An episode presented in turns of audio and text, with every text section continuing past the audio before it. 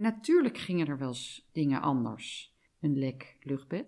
De nachten waren echt wel heel koud. Er waren ook wel eens gesprekken waar ik helemaal geen zin in had. En dan dacht ik, wat gun ik mijzelf? Het maakte dat ik iedere keer als het anders ging dan ik had verwacht, dat ik mijn focus kon verleggen. Door die vraag aan mezelf, wat gun ik mezelf? Welkom bij Ontrafeld podcast. Hier ontdek je hoe je als vrouwelijk leider meer balans krijgt in je leven. Je hoort hoe het ontrafelen en doorbreken van jouw pijnlijke patronen helpt om rust te ervaren, meer te genieten en je weer te verbinden met jouw gevoel. Zodat je de regie over je leven weer kunt pakken en je vrij voelt. Mijn naam is Fiona Koek, systemisch coach en auteur van Ontrafeld, bevrijd door anders te kijken naar mijn patronen. Ik ben net terug van een reis van negen dagen door de Sinaï-woestijn in Egypte op een kameel begeleid door Bedouinen. Ik hoorde daarover van mijn Aikido-buddy Marlene Cornet. En zij zei in november: Ik ga een reis maken met kamelen door de woestijn. En ik zei echt: Nou, dat staat zo niet op mijn wensenlijst, maar onwijs veel plezier. Ik heb ooit al negen maanden door Afrika gereisd, van noord naar zuid. En onder andere zes weken door de Sahara-woestijn. Het was prachtig en ik dacht wel, I've been there, done that. Maar toen kwam Marlene terug en haar verhalen en ik dacht, wauw, dit wil ik ook. En ik ging aan op de stilte, de rust, de schoonheid, de afwisselende natuur. Ik heb er twee weken 15 nachtjes over geslapen en de knoop doorgehakt en me opgegeven. Maar ik vond het ook spannend. Want ik heb nu eenmaal last van mijn gewrichten. Weet je, ik heb echt door het schrijven van mijn boek ontrafeld en het ontrafelen van oude herhalende patronen. Ik heb mega veel minder last van pijn in mijn lijf. Maar ik heb ook een gevoelig lijf. Ik heb last van jeuk, eczeem. Ik ben allergisch voor paarden, honden, katten, ik heb een onwijs sterke neus en als iemand in mijn buurt te veel parfum op heeft of ruikt naar lichaamsgeuren, dan kan ik daar echt wel last van hebben. Dus ik dacht, hmm, gaat dit wel iets voor mij zijn als we ons negen dagen niet kunnen wassen, bijvoorbeeld? Kan ik het wel? Ben ik niet te oud om dit te doen en negen dagen slapen op een matje, kruipen over de vloer, over de grond? Ga ik me niet ergeren aan mijn medereizigers? Hoe zit het met de ongedierte? Wat voor beestjes komen er allemaal? Ik wist dat we zouden slapen onder de blote sterrenhemels. Wauw. Maar dat vond ik ook allemaal spannend. En ik dacht, joh, dit wil ik heel graag. En toen zei mijn buurvrouw, wat gun jij jezelf? Nou, een mooie ervaring. Dus de eerste nacht lag ik in mijn hostel in Dahab dat is ehm, een uurtje boven Sharm el-Sheikh. In het zand, zullen we maar zeggen. Prachtig aan zee, heel leuk. Dorpje of stadje met een hele fijne vibe. Maar anyway, ik lag daar op mijn te harde bed. Onwijs veel blaffende honden om me heen. En toen dacht ik, oh ja, wat gun ik mijzelf? Nou, een mooie ervaring. Dus waar kijk ik dan naar? Naar, weet je, luister ik naar blaffende honden of ben ik al lang blij dat ik hier op mijn bed lig? wetend dat ik vanaf morgen negen dagen op een matje slaap, ergens in de woestijn. Zo ook met de, in mijn beleving, irritante mannen die me dan eindeloos in die winkels wilden trekken om te kopen, kopen, kopen.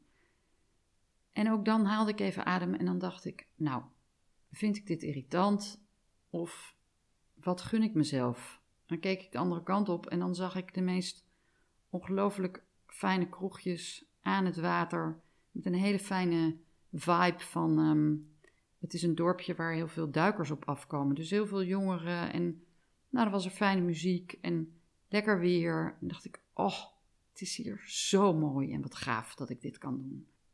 De reis was echt adembenemend mooi en nog veel meer dan ik had verwacht en gehoopt. Mede doordat het natuurschoon echt overweldigend was. Overal prachtige hoge rotsformaties in allerlei kleuren. En ja, er lagen nog fossieltjes van toen daar nog water was. Dus je kon zo voelen dat dit al miljoenen jaren oud was en dat hier zoveel was gebeurd om dit te laten ontstaan en dat ik er nu van mocht genieten. Dus zand met rotsen, stenen, af en toe een struikje, het had hard geregend, dus er was ook wat ontluikend groen in die enorme dorre droogte. Heel erg knap georganiseerd door Joyce Schreuder van Desert Joy. Ik moet even een reclamemomentje maken en hulde aan deze Joyce die woont bij de nomaden, hun taal spreekt. En zij heeft een stichting die het mogelijk maakt dat en de kamelen goed verzorgd worden, maar ook dat de Bedouinencultuur in stand wordt gehouden. Dus dat die nomaden nog steeds de gelegenheid krijgen om hun nomadenbestaan te leiden. En in dat gebied, ja, dat is gesticht door die Bedouinen, maar tegelijkertijd komen er steeds meer Egyptenaren die ook hun banen overnemen. En er wordt neergekeken op deze prachtige, trotse mannen die ik natuurlijk van dichtbij heb meegemaakt. En zoveel respect voor hoe zij leven en zo verbonden zijn met de natuur, zo zich overgeven aan ja, de elementen. En ook al was het Ramadan, zorgden deze mannen zo goed voor ons. Ze waren maar met, ik was met twee mededeelnemers, dus drie deelnemers totaal. Zes Bedouinen, Joyce, de organisator, en twaalf kamelen. Maar dat komt omdat ze een heleboel mee te nemen hebben. En ja, we reizen echt een trektocht met al onze spullen. Dus je hebt ook genoeg kamelen nodig om die last te kunnen dragen. En natuurlijk gingen er wel eens dingen anders. Een lek luchtbed, gelukkig een beetje lek luchtbed, wat ik ook halverwege de nacht nog kon oppompen. De nachten waren echt wel heel koud. Er waren ook wel eens gesprekken waar ik helemaal geen zin in had. En dan dacht ik, wat gun ik mijzelf? Nou, dan pakte ik mijn matje of mijn deken op en dan ging ik 100 meter verderop zitten met mijn e-book of gewoon in de stilte. Ik heb ook lekker geschreven in mijn journal over mijn ervaringen, wat er door me heen ging en zo om me heen kijkend, wat voel ik nu en wat zie ik gebeuren bij, bij hen, bij die mannen, in de natuur, de prachtige sterrenhemels. Het maakte dat ik iedere keer als het anders ging dan ik had verwacht, dat ik mijn focus kon verleggen door die vraag aan mezelf: wat gun ik mezelf? En als dat jouw natuur is om dat te doen, hè, sommige mensen hebben gewoon van nature dat ze heel positief in het leven staan. En die zien altijd dat het gras half vol is. En die stappen altijd met het goede been uit bed. Maar ik ben meer iemand die gewend is om de dingen onder controle te houden en het op mijn manier te willen laten gaan. Zeker door mijn proces van het ontrafelen van mijn verleden heb ik al echt heel veel losgelaten. Maar ik heb soms ook nog wel een beetje de neiging om te kijken naar wat er niet is. Soms. En deze tocht maakte me zo bewust van die keuze: wat gun ik mezelf vandaag? En nu betrap ik mezelf erop dat ik dat ook tegen mijn klanten zeg, die leiders die ochtends wakker worden met stress, zorgen over medewerkers, lastige klus, Iemand die nare dingen tegen ze heeft gezegd. Dat is er allemaal. En die stress, die zorgt voor adrenaline. Die zet je op scherp. Die heb je ook nodig, dus die is ook goed. En het is ook goed om daar dan even bij stil te staan. En dankbaar te zijn dat je lichaam je helpt om jezelf aan te zetten, op scherp te staan. En stel jezelf vervolgens de vraag: en wat gun ik mezelf vandaag? dat ik 20 minuten buiten ga wandelen tijdens de lunchpauze. Dat ik aan het eind van de dag de deur achter me dicht trek, de boel de boel laat en iets leuks ga doen. Dat ik geniet van die nieuwe medewerker die zo leergierig is en zoveel oppakt. Weet je, waar kijk je ook naar? En misschien kan je jezelf de vraag stellen: mag het leven licht zijn? Aan wie moet jij ontrouw zijn in jouw familiesysteem om het je goed te laten gaan. Misschien ben je wel onbewust verbonden met iemand in jouw familiesysteem in het klein houden van jouw genieten. En misschien vraagt het je om ontrouw te zijn aan iemand of aan meerdere, om trouw te zijn aan jezelf. Dat zijn het soort vragen die ik stel aan de mensen die ik coach.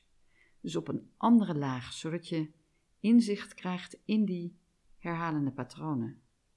Want ik weet als geen ander hoe het is om rode draden uit mijn eigen verleden te herkennen, te ontrafelen en mezelf te bevrijden van herhalende patronen. Daar heb ik ook een boek over geschreven, Ontrafeld.